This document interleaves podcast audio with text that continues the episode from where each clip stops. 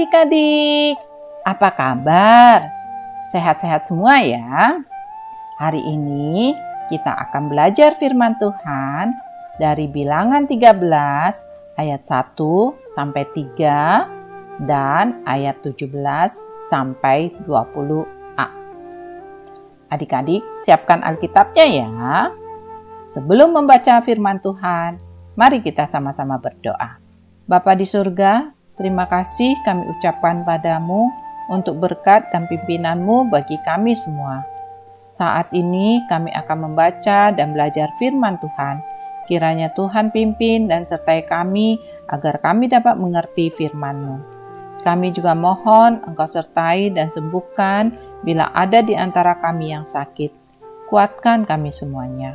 Dalam nama Tuhan Yesus kami berdoa. Amin.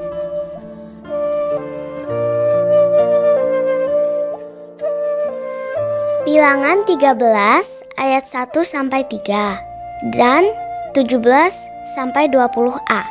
Tuhan berfirman kepada Musa, "Suruhlah beberapa orang mengintai tanah Kanaan yang akan kuberikan kepada orang Israel. Dari setiap suku nenek moyang mereka, haruslah kau suruh seorang, semua pemimpin-pemimpin di antara mereka." Lalu Musa menyuruh mereka dari padang gurun Paran sesuai dengan titah Tuhan. Semua orang itu adalah kepala-kepala di antara orang Israel. Maka Musa menyuruh mereka untuk mengintai tanah Kanaan, katanya kepada mereka, Pergilah dari sini ke tanah Negeb dan naiklah ke pegunungan, dan amat-amatilah bagaimana keadaan negeri itu.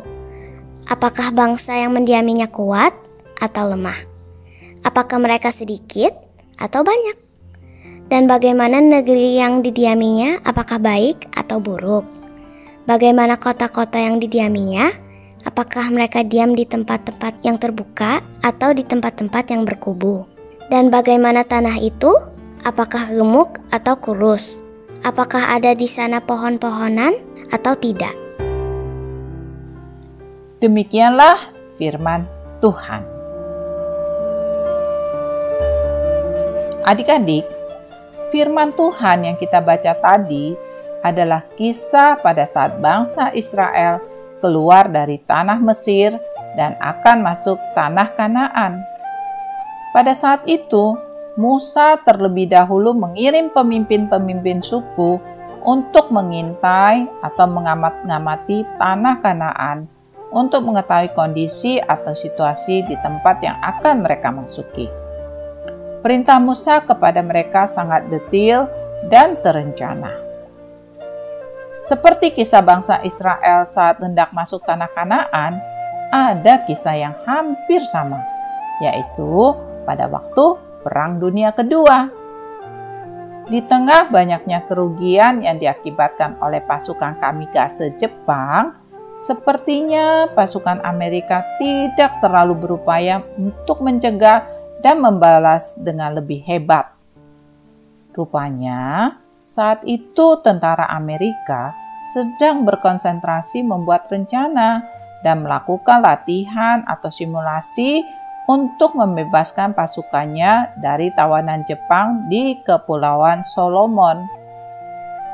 Berminggu-minggu, bahkan berbulan-bulan, pasukan Amerika berlatih untuk melakukan upaya pembebasan sandra ini.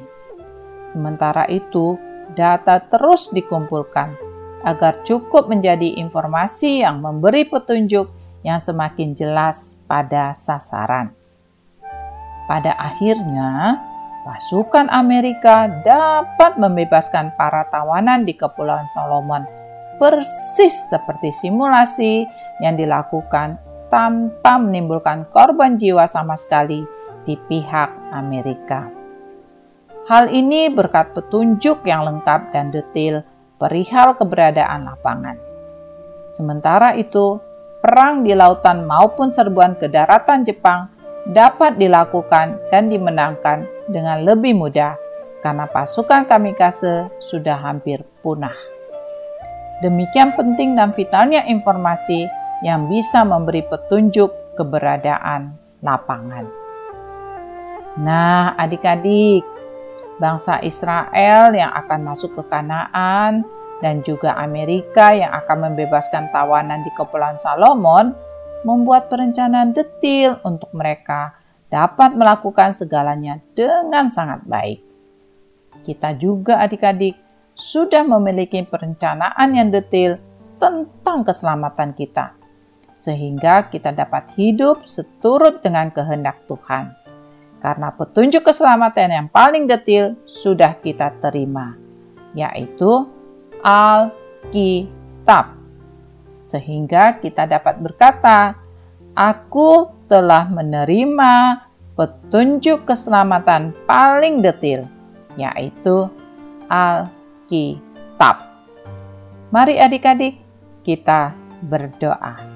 Bapa di surga, Terima kasih telah berkenan memberikan petunjuk dan tuntunan bagaimana hidup yang seturut dengan kehendak Tuhan melalui Alkitab.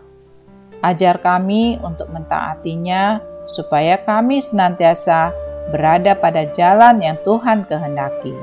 Dalam nama Tuhan Yesus, amin. Demikianlah renungan firman Tuhan hari ini. Sampai berjumpa lagi adik-adik. Tuhan Yesus memberkati.